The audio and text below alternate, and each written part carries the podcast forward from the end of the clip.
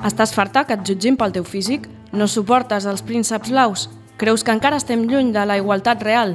Trenca les cadenes, desfem l'espai feminista de Ràdio Sant Vicenç, l'últim dilluns de mes a les 9 del vespre. Deixa de ser una trista princesa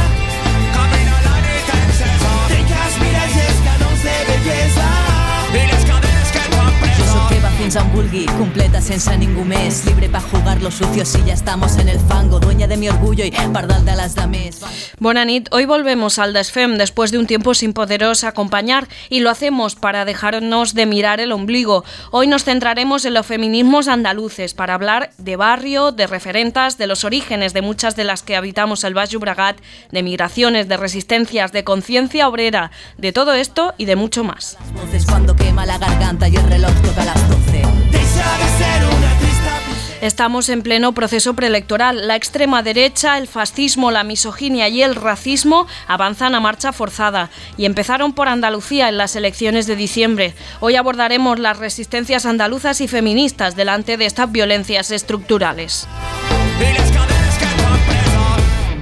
Abordaremos las dinámicas de expropiación y migración forzada que se han dado en el Estado español con el pueblo andaluz. Daremos cuenta de los orígenes de muchas de nosotras, pero también pondremos nombrar a algunos de los malestares que se generan aún hoy desde ciudades como Barcelona y desde el imaginario catalán para con Andalucía. Hablaremos de la diversidad del feminismo andaluz y todos estos palos los intentaremos tocar a través de tres mujeres andaluzas que tienen mucho que decir al respecto. Hablaremos con Carmela Borrego Castellano, Mar Gallego y Sandra Heredia. Enseguida nos vamos por las ramas, es lunes 25 de marzo, os habla Sara Cabrera. Empezamos a romper cadenas. Miras de belleza Deixa de ser una trista princesa. Trencas miralles canos de bellesa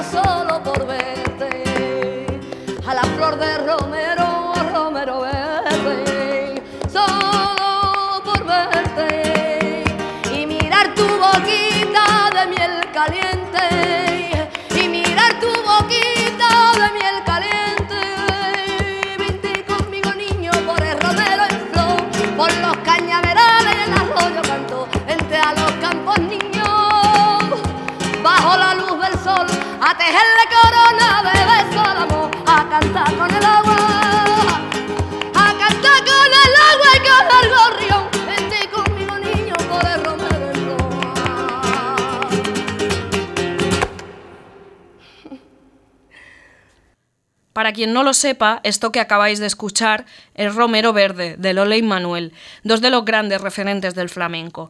Y he querido empezar con estas bulerías porque, como ya viene siendo habitual en este programa, y primero toca situarme. Esta canción me la cantaba mi padre y me la ponía mi abuela cuando era chica. Y he querido empezar por aquí porque da mucha cuenta de por qué creo que es necesario hablar de feminismo andaluz desde Cataluña. Tengo 28 años y vivo en San Vicente dels Horts. Soy catalana charnega y esta identidad no me pesa como otras, al menos ya no. Hace más de 40 años mi madre, con 6 años, sus hermanos y mi abuela llegaron a esta pequeña localidad del Cinturón Rojo de Barcelona en un bus, después de tres días de viaje desde el Valle de Matamoros, Badajoz. Unos diez años antes, mi padre nacía en la maternidad de Barcelona, en un marzo congelado, y rompía sus primeros llantos en un piso de 50 metros cuadrados del barrio de Sants, en el que convivían tres familias más. Hacía medio año que mis abuelos habían llegado a Barcelona desde Galera, Granada. Mi hermano, mis primos y yo somos los primeros corbacho con un título universitario, un papel firmado por un rey que solo veíamos cada Nochebuena y que nada se parecía a las mirreinas y a los mirreyes que cariñosamente pronunciaban mis abuelos extremeños. Un papel que costó muchas tendinitis, muchos suelos fregados, muchos tochos puestos y demasiados quebraderos de cabeza. El pasaporte para poder ser leídos como válidos en esta periferia de la Barcelona diversa. Durante años mi catalán no era el mejor de la clase. La esa sonora y la ela examinada eran para mí impronunciables, pero fui esforzándome como una hormiguita para poder pasar por una catalana de bien, con todos los costes que comportó para mí y también todos los aprendizajes. Y que nadie me malinterprete. Adoro la lengua catalana y me es tan propia como el castellano. Sueño y discuto en castellano extremeño andaluz, pero amo y reivindico el catalán. Solo que este proceso de asimilación también comportó malestares en mí y creo que no se puede negar. La primera vez que me llamaron charnega tenía ocho años. Lo recuerdo bien. Ah, ¿qué vius damunt del parc del Charnegus? Y yo no sabía a qué COI se referían. Pregunté a mi hermano, a él ya se lo habían dicho antes, me dijo, pero tampoco tenía mucha idea de lo que significaba.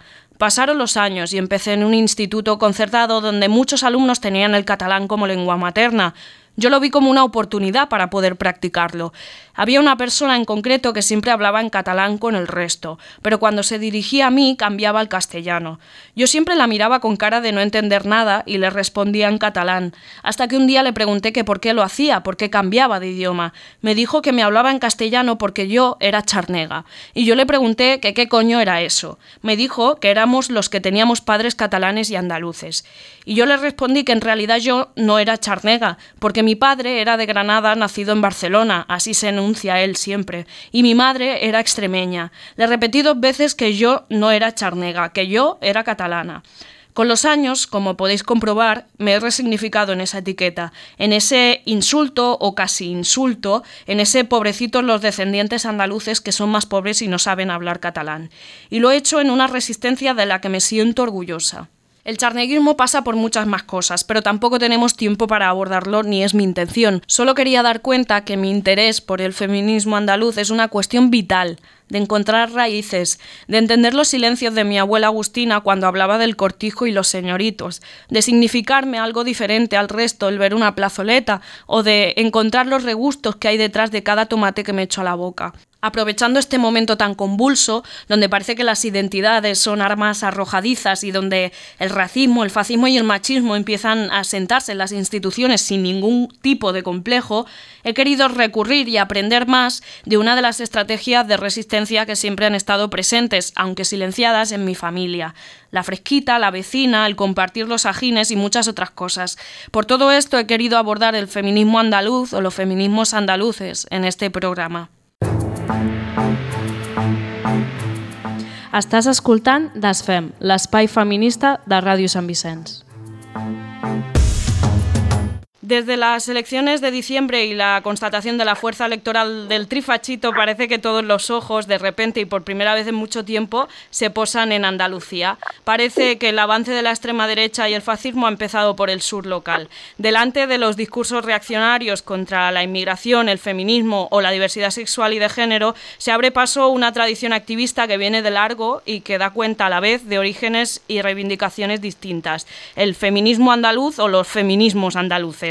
Pero, ¿qué características tiene? ¿Se puede considerar feminismo diferente al que se da o se practica en otras partes del Estado español? Porque es importante hablar de esto desde Cataluña. Enseguida empezamos a abordar estas cuestiones con ah, tres voces eh, que encabezan proyectos relacionados con el feminismo andaluz. Por un lado, hoy nos acompaña Carmela Borrego Castellano del proyecto Peineta Revuelta y Salmorejo Majao. Buenas noches, Carmela. Buenas noches, Sara.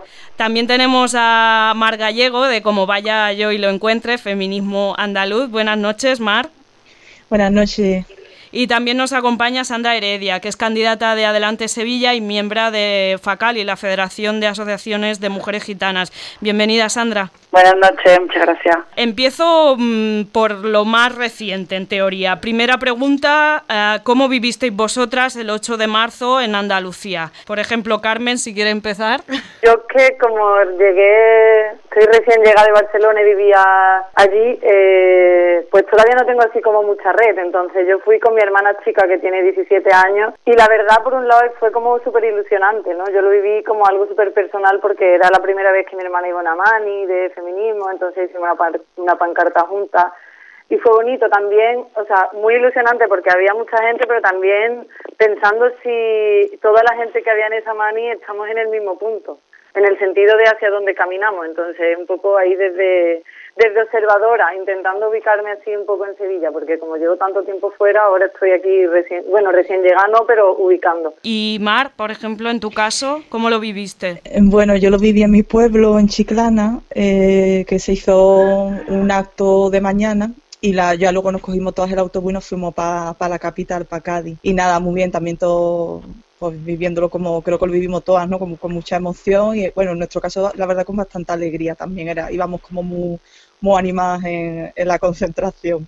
¿Y en tu caso, Sandra? Pues nosotros también, la verdad que lo vivimos con, con bastante ilusión y para nosotros este caso, este año, y también hablo un poco de personas, ha sido diferente en el sentido de que, bueno, hemos participado en toda la convocatoria de la Asamblea Feminista Unitaria ¿no? de Sevilla, pero lo más lo más importante es que de nuestras compañeras aquí de, de Facali, pues hicimos como nuestro grupito propio y participamos en las piquetas y durante todas las concentraciones que hay durante todo el día y luego ya pues al final del día la gran manifestación en Sevilla. También con Carmen estuve ahí también eh, echando ratito durante todo el día. A veces da la impresión que el 8 de marzo y la huelga feminista solo se organice y se conmemore en las grandes ciudades. Precisamente hablar de feminismo andaluz y del 8 de marzo puede abrir eh, este imaginario, ¿no? También se hacen cosas en los pueblos. Sí, totalmente, ¿no? Eh, yo recuerdo con esto que acabo de leer un artículo de, creo que en el diario.es, que precisamente hace alusión a eso, se llama, Queridas Urbanitas o algo así, la huelga feminista también se hace en los pueblos, ¿no? Y yo creo que sí, que estamos atravesadas totalmente por, por no sé si llamarlo urbanocentrismo, porque se llama de muchas maneras, pero sí que está claro que, que se sigue haciendo hincapié quizá también desde los medios de comunicación en, localizarlo todo en, en, las grandes ciudades. Yo te quería apuntar también que, por ejemplo, en mi pueblo se está creando la plataforma feminista de Estepa, y, por ejemplo, había muchas mujeres que, bueno, que pusieron, un había autobuses y tal, pero muchas mujeres no podían venir hacia aquí porque era mucho tiempo de, de ausencia, ¿no?, en el pueblo. Entonces, también se están creando otras formas de, de que, bueno, se están creando, no, existen de siempre otras formas de hacer lucha que van más allá de una manifestación, que se crean en los pueblos y también es para tenerlo en cuenta, yo creo. Sí, pues yo estamos yo totalmente en el planteamiento porque además esa es como en los pequeños, en los pueblos o también en las ciudades más chicas. ¿sabes? Yo lo, lo comparo porque, bueno, yo vivo en Sevilla, pero soy de Córdoba, ¿no? Es verdad que la manifestación sí fue muy multitudinaria, pero durante todo el día como o que se le daba menos cobertura o que se conocía menos de las actividades que se estaban haciendo. Y es verdad que a lo mejor tiene más, lo que ocurre siempre, ¿no? Más visibilidad a las grandes ciudades. Seguimos hablando de feminismo, en este caso ya abordando más el tema. Es una pregunta complicada, pero creo que puede empezar a abrir el, el abanico. ¿Feminismo andaluz o feminismo en Andalucía? ¿Qué diríais de esta pregunta? No sé quién se anima a empezar. Complica la, la, la, pregunta. Venga, me voy a adelantar yo, porque yo sé que aquí las niñas también pueden hablar mucho más de, ese tema. Para mí es complejo, ¿eh? Para mí es complejo definir un feminismo andaluz, un feminismo en Andalucía, porque yo soy de las que partidarias de que hablamos un feminismo en plural, ¿no? Pero sí es verdad que durante todo este tiempo que se está hablando más de estos términos, sí es verdad que por donde me suelo mover, con las compañeras con las que comparto espacios, y vemos también que si por lo menos mi opinión, ¿no? Si hablamos de un feminismo andaluz, somos conscientes de que el feminismo andaluz está compuesto de muchos feminismos, ¿no? Del feminismo gitano, del feminismo de las mujeres migrantes, de las mujeres racializadas, Entonces, si es verdad que más o menos estamos, por mi parte creo que estamos en construcción más bien de, ese término. Estamos hablando Carmela y yo precisamente conversando de esto y hablamos un poco, yo le comentaba a ella que, que creo que cuando se usa un término en el feminismo, bueno, incluso el propio término feminismo, no viene únicamente a reproducir una realidad que ya, que ya está dada, sino que realmente se como que se empieza a acuñar el término como una cuestión estratégica, estratégica para poner en el centro algo de lo que no se habla y que nosotros consideramos discriminatorio. ¿no? Entonces hablábamos que dentro de, que evidentemente existe una diversidad enorme, incluso que nosotras tampoco consideramos que haya una unificación de, bueno, estamos haciendo feminismo andaluz, algo que, que, como dice Sandra, está en construcción, pero que se pone ahí un poco por eh, la cuestión de poner las gafas territoriales también por una discriminación histórica que, nosotras eh, padecemos y que padecemos precisamente por la marca andaluz. Entonces, para mí tiene más sentido hablar de feminismo andaluz, teniendo en cuenta que esta construcción, que es muy diverso, pero un poco por poner ese dedito en la llaga, ¿no? Esta cosa de, bueno, pues construir coger el término andaluz que siempre ha sido usado lingüísticamente como una marca negativa y usarlo para darle la vuelta.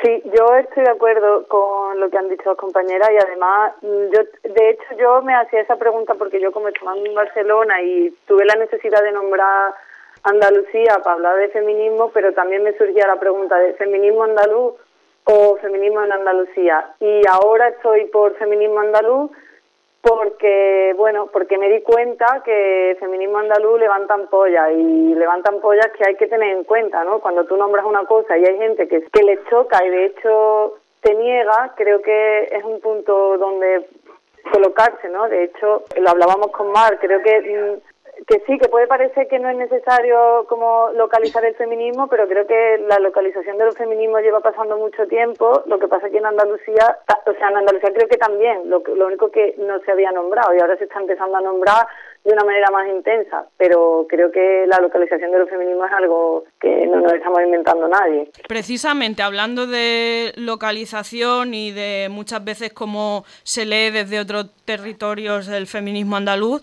hablar de resistencias andaluzas y de mujeres nos lleva a hablar, a abordar las dinámicas norte-sur y los procesos de migración forzada que tuvo que hacer mucha gente andaluza durante los 60 y los 70 y que aún hoy día se siguen dando. ¿Cómo diríais que ha marcado este hecho la conciencia feminista en Andalucía? O sea, el hecho de tener que emigrar para poder sobrevivir al fin y al cabo. Eh, si queréis seguimos el mismo orden, que empiece Sandra, así nos lo vamos marcando. La conciencia feminista, yo no, no tengo, sé que marca porque es como, como un sentir propio, ¿no? De, las mujeres andaluzas, porque todas estaban marcadas por esa, por esa migración. Si no es de manera a primer nivel, ¿no? Sino todas estaban marcadas, todas tenemos esos lazos familiares, esos vínculos de mucha de nuestra familia que ha tenido que emigrar, sobre todo como bien tú comentabas, Cataluña es un foco principal, donde seguimos con esos vínculos, esa familia, y es como, por desgracia, esa parte, pienso también que es de la idiosincrasia del pueblo andaluz, ¿no? De cómo nos vemos siempre, eh, no hemos visto y nos seguimos viendo esa migración forzosa, cómo sabemos que vemos cómo ocurrió en, los 60, en los 70, pero bueno, seguimos viendo que nuestras primas, nuestras hermanas, nuestras amigas se tienen que seguir marchando y sin saber si pueden volver o en muchos casos vuelven y porque tienen eh, esa gana o esa fuerza de querer volver a Andalucía y no pueden seguir porque aquí la precariedad y como nos marca eh, el, el, yugo ¿no? que tiene siempre esta española hacia Andalucía y la precariedad que vivimos, la verdad que sí, que nos marca y es parte de, como decía al principio, de nuestra idiosincrasia. Eh, es que estoy totalmente de acuerdo con lo que dice Sandra. O sea, creo que no, no apuntaría a nada porque es que es así, ¿no? No verlo tampoco como algo que, que simplemente se dio en los 60 y los 70, sino que es que está totalmente presente en nuestras vidas todavía. Yo soy migrada en Barcelona, entonces Creo que es súper importante, o sea, para mí, yo digo para mí, yo, o sea, de acuerdo con lo que han dicho las compañeras, pero desde la experiencia propia, creo que es súper necesario, de hecho lo hablaba con Mar también, es súper necesario para mí, ¿eh? hablar sobre estas dinámicas que se han generado, que, que al final el movimiento de personas de un sitio a otro marcan también lo que está ocurriendo, ¿no? Entonces, bueno, esto lo decía Saskia Sassen, yo, es que muchas veces parece que las andaluzas no estamos inventando cosas todo el rato y a mí me da la sensación que, que esto ya se ha hablado, lo único que se localiza en una, en unas dinámicas concretas. Y yo, por ejemplo, bueno, tú lo sabes, Sara, que, que yo en Barcelona, eh, cuando hablaba de las migraciones y la necesidad de ser nombrada como una migrante interna por una necesidad, eh, esto generaba mucho rechazo y de hecho creo que es un punto de fuga que no se puede, o sea, un punto de fuga para cuestionar, ¿no? una identidad que parece que se está construyendo como muy cerrada y no quiero entrar en debates de independentismo que mm, pero sí que es verdad que el charneguismo como como sujeto político se queda un poco en los márgenes continuamente, ¿no? No sé si tú como charnega, porque eres charnega, creo, lo sentirás, ¿no? Como que se genera un espacio y claro, yo cuando llegué a Cataluña y a Barcelona en concreto y escuché las cosas que se dicen en torno a, las personas charnegas y a las personas mm, andaluzas de que emigraron en los años 60 porque existe, existe una discriminación concreta, yo la he sentido, entonces creo que es necesario nombrarlo, porque entonces estamos negando una parte de la realidad, por mucho que haya otras cosas que también son importantes de nombrar, pero sin eso o sea, es que es una historia, es que es la historia, entonces si esa historia se niega, al final esa, esa parte de la historia no está como has introducido este tema, aquí sí que me mojo un poco, eh, muchas veces no es que no se nombre, me da la impresión que se nombra solo si conviene. O sea, es decir, hay, hay una parte del charneguismo que se ha vendido siempre, en mi opinión esto, ¿eh? desde los medios mayoritarios sobre todo y la opinión pública, como eh, esa gente trabajadora que vino a que Cataluña le abrió sus brazos y que está muy contenta de estar aquí, eso sí que se reivindica una, una especie especie de folclore catalán, pero no cuando ponemos, se pone en duda ciertas cosas, ¿no? Precisamente relacionado con lo que hablabas, con el hecho de, de que al final ese mm, charneguismo, lo que sea, eh, da cuenta de las migraciones, de los procesos de supervivencia que tuvieron que hacer las familias y las personas andaluzas. En fin, da para mucho. Eh, y, abordaremos ahora un poquito desde Salmorejo Majao. Tú hablas de que empezaste a hablar de, de buena parte de tus malestares cuando estabas viviendo en, Barcelona. Eh, ¿Es siempre doloroso este choque entre la tierra de origen y el lugar de llegada? O no sé si siempre, pero al menos en tu caso. ¿Cómo lo sentiste? No, fue doloroso todo el rato. O sea, es que también, eh, bueno, recogiendo lo que tú has dicho sobre, sobre ese imaginario que se genera sobre mm, la Cataluña que abrazó a la gente que venía, que no tenía para vivir y el discurso que también se genera sobre Andalucía no me quería, que eso también lo he escuchado yo, es como eh, no poner sobre la mesa las dinámicas norte-sur, el sistema capitalista, el sistema neoliberal, o sea, como es cubrirlo un poco de buenismo, ¿no? O sea, yo estoy muy contenta de haberme ido a vivir a Barcelona, he aprendido un montón de cosas, he, conocido gente maravillosa, he conectado con barrios donde yo he vivido, siempre han sido barrios históricos de migrantes. Ah, primero eran charne, o sea, eran lo que se llama charnego, o sea, andaluces, gallego y tal, y extremeños, y ahora de inmigrantes de otros territorios, entonces yo vivo en esos territorios y en esos barrios y a mí me han aportado muchas cosas y me han dado a conocer cosas que yo no sabía. Me enriqueció mucho de la cultura catalana, pero también es verdad que tenía muchos choques fuertes, o sea, choques de, de decir, aquí está pasando algo y no sé qué es. Y yo en Salmorejo Majao sí, lo nombré porque nació de ahí, o sea, nació de una necesidad de nombrarlo desde ahí y, de, decir, bueno, mm, las andaluzas también tenemos voz, a pesar de que parezca que solo... Yo, yo qué sé, yo decía en una frase, las aunque bueno, esto también entra para otro debate sobre el baile y el flamenco, pero las yo decía, las andaluzas pueden bailar, pero no pueden hablar de su baile, ¿no? Entonces, como... es un poco como, no es un choque, pero sí que es como una dualidad, más que un choque. Confrontación no diría, pero una dualidad. Podríamos estar hablando un buen rato sobre esto de charneguismo, pero quiero abordar otras cosas de, y, que seguro que vosotras también y, me ayudaréis mucho en esto. Por lo que hablábamos de migraciones, eh, parece evidente que el feminismo andaluz no se puede separar de el componente obrero o los orígenes humildes. ¿Lo vivís así vosotras? Si queréis hablar, Mar o Sandra, que habéis estado más calladas durante este rato.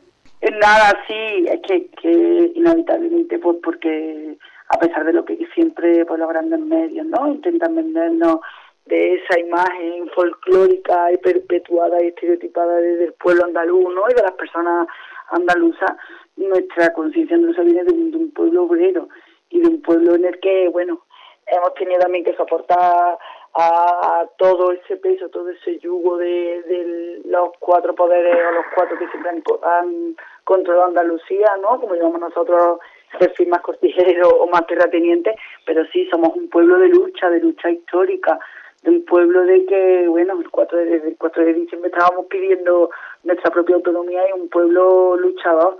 Y si es verdad que nos tenemos que enfrentar a que se tenga a lo mejor una imagen más folclórica, más romántica y que eh, enmascare ese verdadero espíritu de lucha del pueblo andaluz. ¿Y Mar?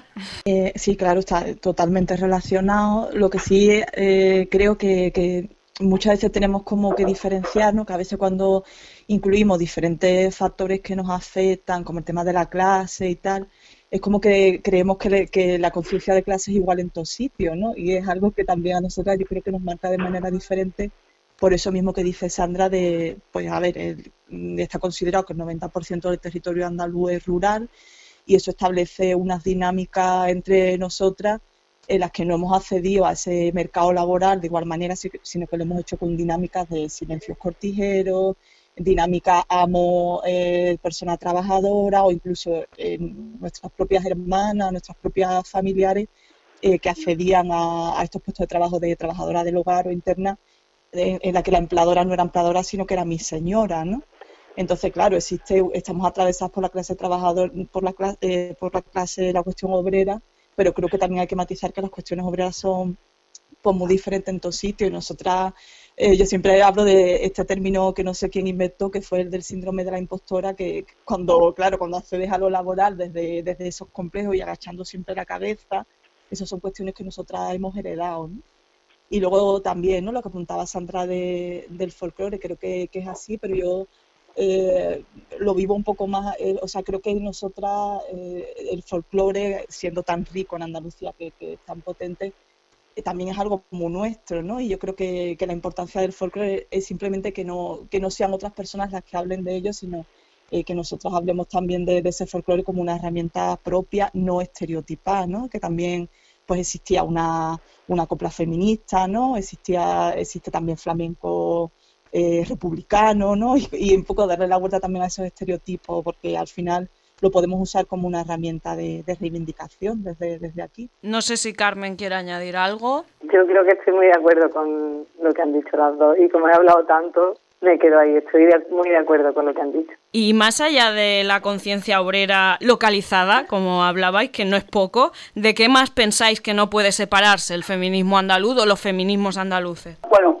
como estamos hablando de la conciencia de, clase, ¿no? Pues mm, hablamos de que el feminismo andaluz y bueno, yo creo que esta sería, esto creo para mí es la premisa de todos los feminismos, ¿no? Tiene que ser un feminismo de clase, tiene que ser un feminismo antirracista y tiene que ser un feminismo, feminismo también anticapitalista, ¿no? No, no, no nos valen pues los, los pseudo-feminismos, ¿no? A mí me da hasta coraje que se use la palabra feminismo, ¿no? Para hablar de, de otro tipo de, de expresiones, la cual pues eso pues se manipula, se, y se distorsiona lo que es el feminismo como tal.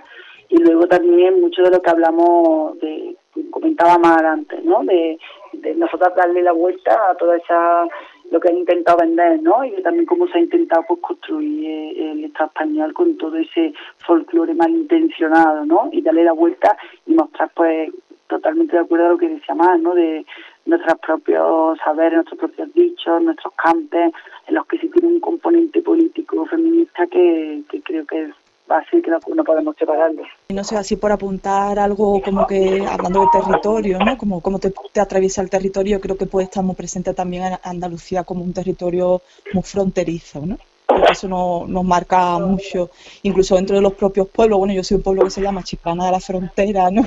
que junto con Alco, Jerez, históricamente hicieron de frontera cristiano-nazarí ¿no? durante 200 siglos y sin embargo es algo que, pues que no se sabe y, que sin embargo atraviesa totalmente esos pueblos que están llenos de, una historia mm, que aglutina todo lo que, lo que implica eh, pertenecer a una frontera, ¿no? que es idas y venían de culturas diferentes que, que se quedan pero que se van, pero que generan algo distinto y yo creo que Andalucía está atravesada por, por, esa cosa fronteriza, ¿no? que sea eh, local, una, frontera local.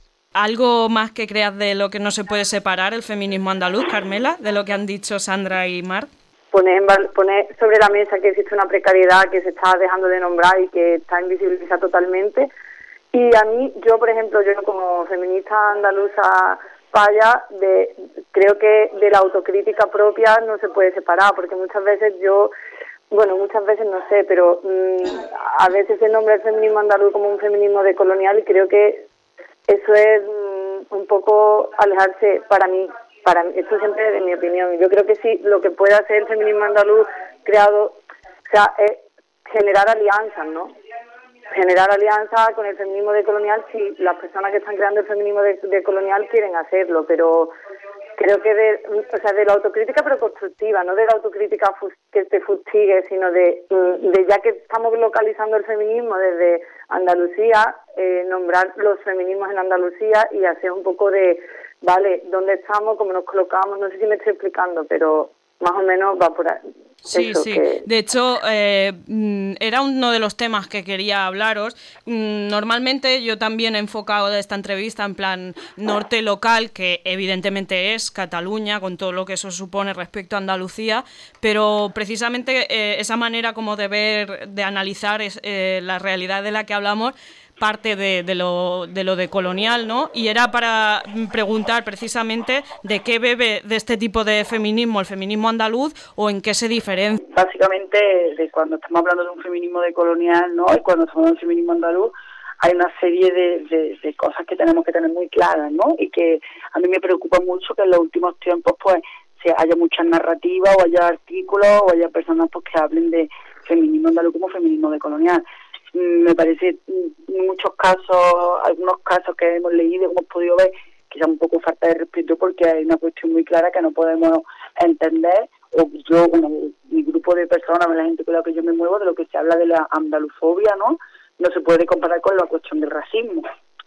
Hay una serie de, de categorías que la cuestión de la raza y la cuestión racista, que para mí creo que va mucho más, mucho más fuerte y impacta mucho más en las mujeres. Entonces, por eso que creo que la, la nueva narrativa, un nuevo discurso que se están dando, tenemos que tener mucho cuidado con confundir esa, esa perspectiva. Yo sé que con muchas compañeras, porque no, no, no son compañeras racializadas, no son compañeras gitanas, pero si tienen esa sensibilidad, sí sé que lo ven. Y me preocupa realmente que con todo este auge, que yo estoy encantada y del cual participo, de que sale de un feminismo de colonial, lo confundamos porque ahí podemos encontrar serias divergencias y por lo cual no que de hecho creo que no nos lleva a ningún lado, sino que se aclaren términos y que todo el mundo sepa más o menos desde qué punto de partida se, se mueve, ¿no?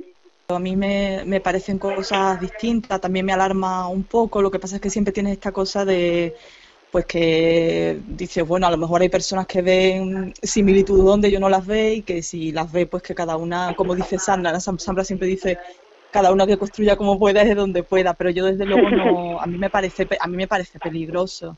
Yo creo que es diferente a, considerar que todas las teorías tienen algo que enseñarte de ti misma, ¿no? Y que realmente podemos aprender de todas y que decolonializarse, que todo el mundo se descolonialice puede estar bien.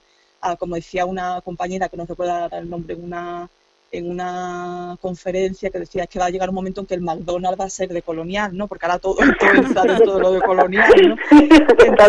sí, es que es verdad. Entonces creo que es diferente a, sentir que, que, una teoría te puede aportar, y yo creo que cuando alguien lanza una teoría debe aspirar a que le, le contagie a todo el mundo, a considerar que tú puedes coger una, una, un corpus teórico, por llamarlo así, que tiene su origen y su cuerpo en otra en otro territorio y que tiene su sentido en otro territorio y cogerlo para ti, adaptarlo para ti, que para mí son cosas totalmente distintas. Eh, de lo que bebe o de lo que no bebe, es que eso iba a depender de lo que cada una entienda por feminismo andaluz, ¿no? Eh, no todo tiene que, estar dentro de, una teoría ya hecha, sino que eh, muchas a lo mejor también estamos intentando hacer feminismo andaluz simplemente desde la experiencia. Yo Siempre digo que hay que poner más en valor el sentir, eh, que nunca está presente la teoría, que tenemos ya que quitarnos esta cosa de que solo se crea desde la razón y hacer un, un, feminismo de cuerpo a cuerpo, ¿no? De, lo que aprendes de la gente, de lo que ves en la calle, quizás más popular, no sé si llamarlo comunitario, pero desde luego para mí de colonial no, no es. Ah, Carmela, has introducido tú el tema con la respuesta a la anterior pregunta, pero no sé si te queda algo en el tintero que quieres añadir al respecto. estoy muy de acuerdo con ella, la verdad que estoy muy de acuerdo con ella. Ah, si acaso pensar también, por apuntar una cosa, que a mí, por ejemplo, leyendo a Gloria Saldúa, que habla de la frontera, que Mar también hablaba de Andalucía como una frontera, eh, Gloria Saldúa me parece como, no digo que sea lo mismo, pero sí que plantearte como, como la frontera y, y cuestionar ¿no? la identidad pura creo que a mí me, ayuda mucho y sobre todo el feminismo popular, como ha dicho Mar también y Sandra. Ahora paso a otro tema. ¿Diríais que hay un proceso de silenciamiento del feminismo andaluz en general? Sandra. totalmente, porque ya te digo, para, para mí, sé que para muchas de nosotras el feminismo andaluz, vuelvo a repetir, se compone de muchos feminismos, ¿no? Está totalmente silenciado porque no se conoce, no se sabe la realidad, se intenta siempre pues, jugar con esa mmm, hiperesotización, eh, también muchas veces pues con los cuerpos, ¿no? Con los cuerpos de las propias mujeres andaluzas, exotización y todo eso, que la verdad que está totalmente desconocido, no se conoce y también a mí una cosa que me preocupa también en relación con este al hilo de lo que estábamos hablando antes es eso, ¿no? De que como eh, yo apuesto más, más como hablaba y decía de que el feminismo andaluz es una cuestión más del sentir, ¿no? Una cuestión más popular, una cuestión más de lo que estamos acostumbrados a, que hemos visto de nuestra gente, de nuestras vecinas, y me da un poco de miedo de que se convierta como en, quieran otra vez como hacer una, una teoría, ¿no? Como teorizar con el feminismo andaluz, y me da un poco de, de pánico, sinceramente, sino porque es una estamos en construcción, estamos se le está dando nombre, se le está dando cuerpo y también se le está dando importancia y sobre todo creo que lo más importante porque se le estamos dando importancia desde el sentir aquí, desde el sur de Andalucía y, sí, sí es un desconocido. ¿A Mar? no sé si, a ver, la, la, intención de silenciamiento histórico hay tal, pero yo creo que no hay nada más simbólico que, que te digan que, que hablas mal por ejemplo, ¿no? O sea, cuando él habla es la herramienta que una persona tiene para contar su verdad y para sentirse legítima ante el discurso, ¿no? Ya lo estamos viendo con el tema también de cómo se pone en cuestión las denuncias de las mujeres, hablando de denuncias falsas. O sea, yo creo que eh, la verdad como concepto está totalmente en juego cuando estamos hablando de feminismo, cuando estamos hablando de, de todas estas cuestiones, ¿no? Entonces, desde el momento en que a un pueblo se le ha dicho que, habla mal y que hay personas que hemos sentido vergüenza, que tú te has criado con tu madre, con tu prima, con tu abuela, mm, dándole vergüenza hablar delante de determinadas personas, pues por supuesto que, había un intento de, pues eso, de, quitarte tu, tu, verdad y de que tú puedas, puedas expresarte libremente con algo tan importante como tu acento, ¿no? Que es la expresividad con la que, con la que te mueves. Yo no sé si yo no sé si, si, hay una estrategia de silenciamiento, pero sí yo estoy haciendo, bueno, introduzco esto, yo estoy haciendo un curso que se llama en la resistente y el otro ayer estuvimos haciendo narrativas, como un, taller sobre creación de narrativas colectivas. Y bueno, que, y hablaba y hablaba más de, la del, del espacio legitimador y yo creo que lo que se para mí, ¿eh? desde mi experiencia lo que lo que ocurre a veces es que no se genera un espacio de legitimación. Bueno, tú en, mi en la presentación de mi TFM hubo una señora en el tribunal que deslegitimó totalmente no solo lo que yo no me, no solo a mí como investigadora sino a las personas que participaban que da la casualidad que dos de ellas son Mar y Sandra. Entonces yo no sé si silenciamiento va relacionado con eso pero de deslegitimar la voz entonces si tú tienes una narrativa y no existe un espacio de legitimar de legitimación que, que supongo que ocurre también con otros feminismos o feminismos que están en, un poco cuestionando el feminismo hegemónico, que al final también el feminismo andaluz parte desde un todos los feminismos no son iguales, como por ejemplo a lo mejor Sandra puede hablar más de esto, del feminismo gitano, sino en un espacio de, de, de legitimidad, al final, por mucho que tú pronuncies y pronuncies, al final se queda en un espacio donde parece que no que no hay rigor, como a mí me dijeron, que la, que la, que la historia de vida o las narrativas de las mujeres que participaban en el TCM no tenían rigor, ¿no? No sé, yo creo que esto. A Sandra introducía Carmen una cosa que no quiero dejar pasar por alto, el tema de los, los, espacios de legitimación y los referentes. En el caso del feminismo gitano romaní, ¿encuentra en el feminismo andaluz más espacio para legitimación que en otros tipos de feminismos que se dan en el Estado, en este caso? ¿Cómo lo ves? Totalmente totalmente porque estamos en un momento, ya te digo, estamos también como en un momento de, de, de ir conociéndonos muchas, ¿no? De las que estábamos en diferentes territorios aquí en Andalucía, de construyendo, pues cada momento nos va dando de compartir más tiempo con otras y evidentemente, o sea, evidentemente porque aunque seguimos siendo dentro del feminismo hegemónico y dentro de la propia Andalucía, porque aquí yo también soy la que pienso que aquí todas las feministas que están en Andalucía tampoco mm, entienden o ven o sienten un feminismo andaluz, que eso también es, un dato, creo yo, bastante que hay que aclarar, ¿no?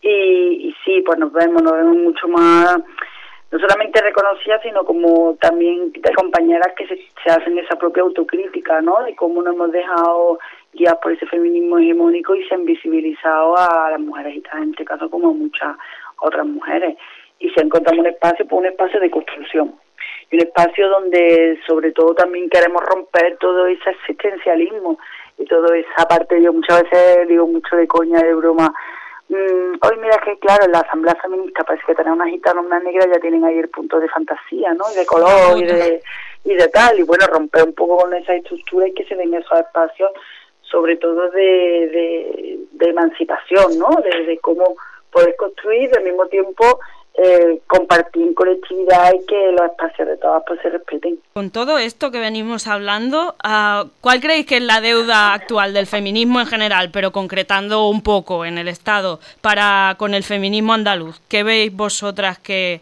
que falta, digamos? Bueno, pues como apuntaba antes Carmelo de eh, en la misma línea del fustigamiento, por no hablar de deuda, o sea, creo que, que estamos en un momento también que, eh, hace, hace mucha falta hacer un, feminismo sin acudir a ese constante eh, sentimiento de culpa, ¿no? Como que ya las mujeres de por sí lo tenemos muy interiorizado y creo que estamos cayendo también en un momento de que se promociona mucho la culpa, ¿no? Y que estamos en, discusiones constantemente haciendo alusión a la culpa y al final cuando tú intentas hacer un discurso eh, aludiendo a la ignorancia de otras personas con respecto a los temas que tú conoces, etcétera, etcétera, lo que pasa es que quien nunca se mira, nunca se va a mirar y al final las que acaban con fustigándose somos las mismas de siempre, ¿no? Las que siempre intentan hacer autocrítica, que se acuestan de noche y tienen miedo de, la frase que ha puesto en Facebook, ¿no?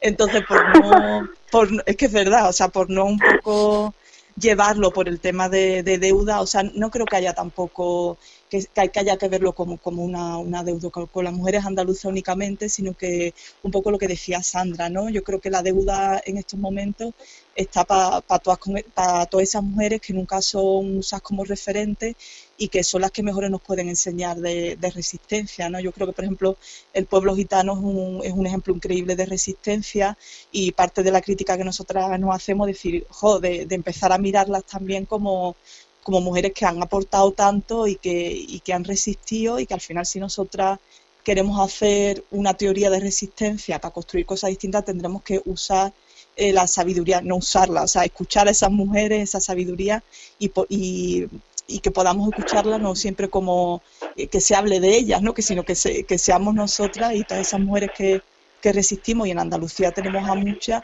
que, que, nos hablen. Entonces no creo que sea una cuestión solo con Andalucía, sino que creo que es una cuestión ya de revisarse un poco los referentes, ¿no? Y que es esta cosa de los referentes, ¿no?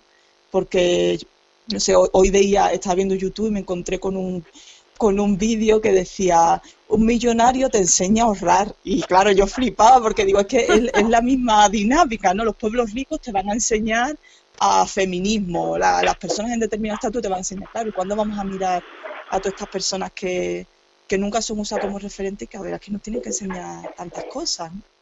Nada, yo un poco por reafirmar lo que, ha dicho más, eso de cambiar los modelos de deuda, de no deuda, ¿sabes? De, bueno, Vale, somos conscientes, mmm, lo que ya hablaba antes, ¿no? Un poco de, autocrítica, pero tampoco sin este fluctuamiento, ¿no? Que estábamos hablando todas, deuda ninguna. Deuda de, bueno, que nos dejen construir, que nos dejen ir creando y no me gustaría a mí mucho hablar de, de deuda. Lo, estoy de acuerdo con las dos y bueno, yo hubo un momento que sí que sentía como una deuda, pero fue por una situación personal, ¿sabes? Porque era desde la rabia, entonces ahora ya la he transformado en otras cosas, no creo que sea deuda, pero sí es verdad que en un momento concreto en el que sufres una violencia en un espacio académico feminista donde se supone que hay una liberación, se supone que el feminismo es liberación, eso que te venden y ocurre como una violencia hacia tu discurso y el discurso de tus compañeras, entonces yo había momentos en los que me agarraba, pues no hay una deuda, pero creo que no es sano, ¿no? Creo que, que, que bueno, hay tampoco, pero yo he decidido optar por, por eh, encontrar caminos donde construir y, y no y no sentirme fustigada, ¿no? Y ni, yo fustigarme tampoco. O sea, como que es un aprendizaje. Entonces, la deuda al final te lleva a un lugar en el que yo ahora mismo no me apetece estar. Sí, porque al final parece que reproducimos también, pues esto, deuda que pueden exportar unos feminismos a otros. Estamos como perpetrando ciertas cosas que ya sabemos que muy feministas no son. Exacto al principio, de hecho he empezado la, entrevista tirando por ahí, decía que, que, parecía que muchos ojos se posaron en Andalucía después de las elecciones de diciembre y se ha visto que el avance de la extrema derecha empezó en Andalucía, pero que va a ir subiendo. Eh, muchos señores también ya han venido a exigirnos el voto a las feministas para frenar esto, precisamente, el fascismo, el racismo y la misoginia de partidos como Vox, PP o Ciudadanos. Lejos de paternalismos, ¿qué resistencias se están tejiendo en Andalucía ahora mismo desde los feminismos que al menos practicáis vosotras para crear trinchera ante todo esto, ante el fascismo y la extrema derecha sobre todo. Complicado el tema. Yo lo primero que quiero que quiero aclarar un poco de este tema, que eso de empezó por Andalucía, eh, me encantaría decírselo a todo el Estado español, a voces, porque fuimos las primeras elecciones que hubo, ¿verdad? Es que a mí me encanta todo, ¿sabes? Todo el castigo que hemos tenido que recibir de con todo el respeto y todo el cariño de gente fuera de Andalucía, no voy a dar más nombres, de claro, es que como ese eterno, que como los andaluces estamos empanados, pues claro, votamos a los fachas, ¿no? Luego otra cosa también que, que, que a mí me revolvió viva es, claro, es que aquí, por ejemplo, ¿no? Esos titulares que se daban de que aquí, por ejemplo, la extrema vivienda o en polígonos, en polígonos sur y demás, se votó mucho la extrema derecha, es falso, son datos totalmente falsos. Lo de la cuestión de Vox y la hoja de la extrema derecha es que por fin la extrema derecha que ha existido siempre tiene un partido al que votar y el que, bueno, con los discursos y con la desafección política que vive la sociedad en general de todos los partidos, pues mm, ¿verdad? un poco por hacer un poco de análisis y también como un poco plan de desahogo, ¿no? Para poder contar una vez más y a lo mejor a través de este canal que nos puede escuchar gente fuera de que no escucha gente fuera de Andalucía. Dicho eso, también eh, eso de que esto es verdad, ¿no? Ahora como nos piden el voto a las feministas continuamente, yo, a mí me preocupa mucho bastante la resistencia feminista porque aquí lo que ocurre es que, mm, aquí me está gobernando durante 40 años el Partido Socialista y ahora pues todas las señoras que estaban con sus bolsos en sus espacios de moqueta, con sus bolsos de mil euros, ahora están en las calles. Que bueno, que yo no voy a decir quién tiene que estar, pero que no se instrumentalice el feminismo y que no lo, no lo usen ahora como arma arrojadiza sino que a la extrema derecha hay que frenarla, cierto es, pero que no nos vale ahora mismo mm, ese no nos vale todo, ¿no? No nos vale que ahora, eh, bueno, se instrumentalice, se utilice, ¿verdad? Bueno, que yo soy de las que siempre digo que hay que salir a votar. Siempre lo he mantenido, estando a la derecha o no estando, porque hay que salir a votar y hay que también construir nuevas formas de resistencia, incluso dentro de las propias organizaciones políticas. Y bueno, sí es verdad que ahora, a ver, con todos los, puntos, los electorales que hay por delante, como ocurre, pero bueno, sí es verdad que a mí particularmente da un poco de coraje. Que no utilicen como arma arrojadiza. Es que realmente creo que lo, lo que se está tejiendo es un poco, no sé si aquí de una manera quizás diferencial, es evidente que aquí también se tiene la propia agenda, ¿no? Y que cuando se sale, pues se salió el pasado 15 de enero a la manifestación frente al Parlamento, fue bastante masiva, hasta el 8 de marzo se ha notado mucho. Yo quizás lo noto más en, pues en las cosas que se hacen desde el feminismo cuando se programan eventos desde el activismo, ¿no? cuando se, intentan hacer cosas como que vos te marca mucho el camino que eh, escuché una, a unas compañeras decían de, de no mencionarla, entonces la, llamaban como Fox, ¿no? Para, para no darle publicidad.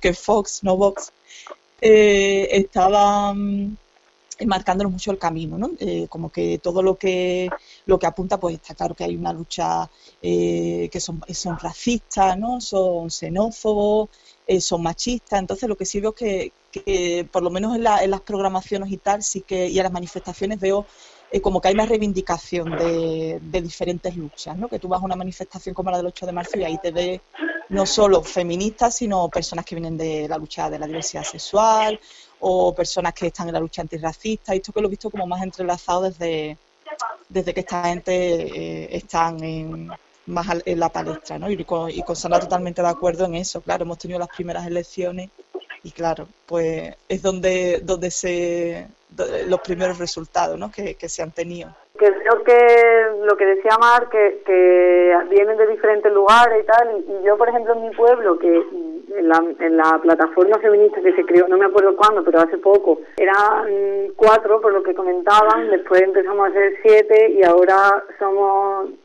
cuarenta, ¿sabes?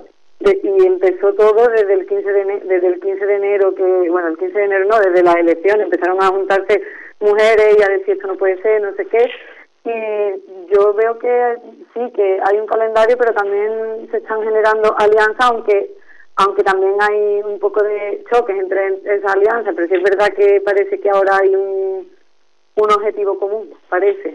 Y ya por ir acabando, me gustaría, o sea, podríamos estar mucho rato porque la verdad es que es súper interesante lo que, lo que apuntáis. Necesario, no me gustaría dejar eh, esta entrevista sin un referente feminista andaluz que penséis cada una que, que, se tiene que reivindicar más, o, o, dos, no pasa nada, porque sean dos. Yo voy a, voy a decir que mi referente, y esto es cierto, que no es porque van bien, ¿eh? pero que yo, para mí mi referente, unos referentes o referenta andaluza son Mari y Sandra, porque yo gracias a ella he aprendido cosas que, mm, que me han que me han posibilitado nombrarme desde un lugar concreto, que me han posibilitado hacer crítica a cosas que yo estaba haciendo que eran como, ahí esto quizá no.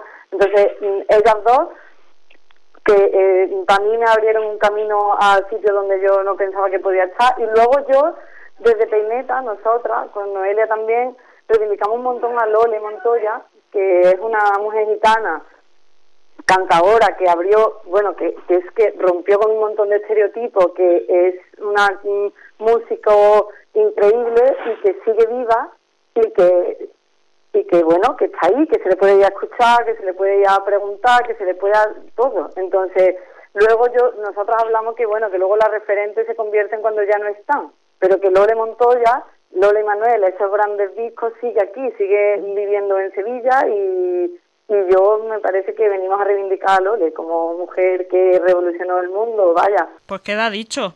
Y Mar, ¿quieres apuntar otra eh, referente del feminismo andaluz o para ti? Son lo que hemos dicho, ¿no? Que son referentes, pues yo con todas las mujeres con las que me he criado y que, que me han rodeado, desde mi abuela, mi madre, para mí son grandes referentes. Yo creo que todas las que sostienen lo ordinario, ¿no?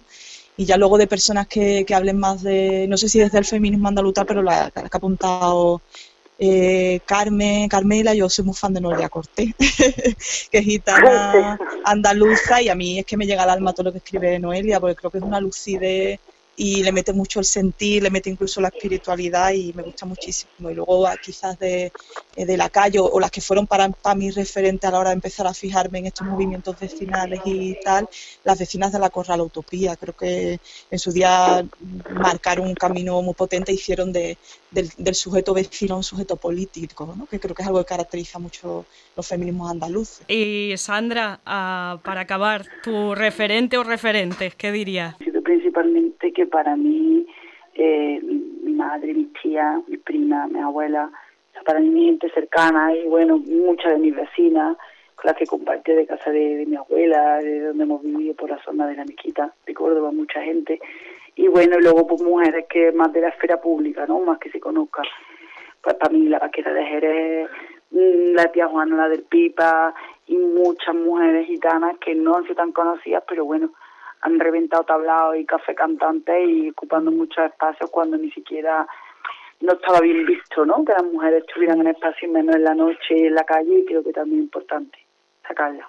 Pues me gustaría seguir hablando, pero ya hay que dejarlo. Muchas gracias a las tres, a Carmela Borrego, a Mar Gallego y a Sandra Heredia. De verdad, eh, creo que hace falta hablar desde Cataluña de feminismo andaluz y me ha encantado, aún y la precariedad auditiva, como digo, pero me ha encantado oíros a las tres y haber intentado hacer este diálogo. Muchas gracias, Sara. Nada, Carmela, más besitos y un, placer compartir con vosotras.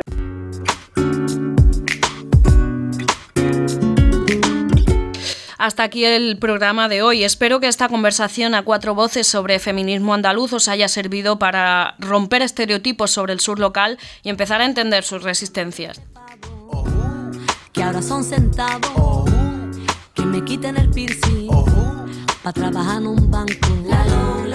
Acabamos con una canción de las niñas. En el 2003, Alba Molina, Vicky Luna y Aurora Power ya denunciaban las guerras, el clasismo y el orden mundial y reivindicaban la alegría fusionando el flamenco con el rap y ritmos urbanos. Peñita, que hace 16 años que esto ya se hacía. Lo comento para algunos despistades. Y nada, eso, que son tiempos extraños para la peña en este planeta.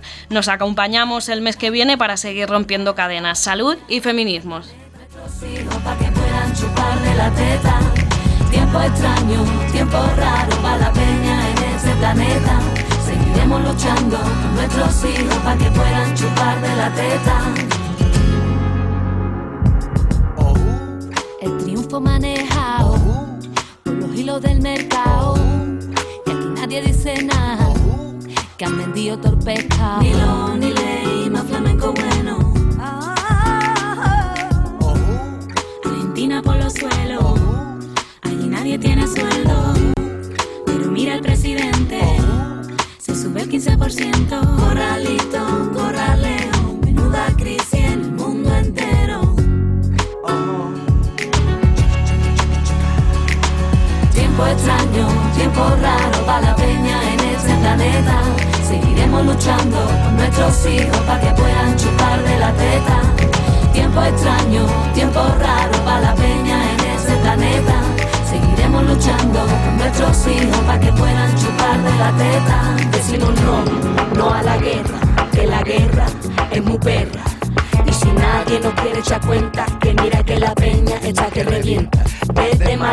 París, desde Cali a Pekín, la gente en la calle dice no,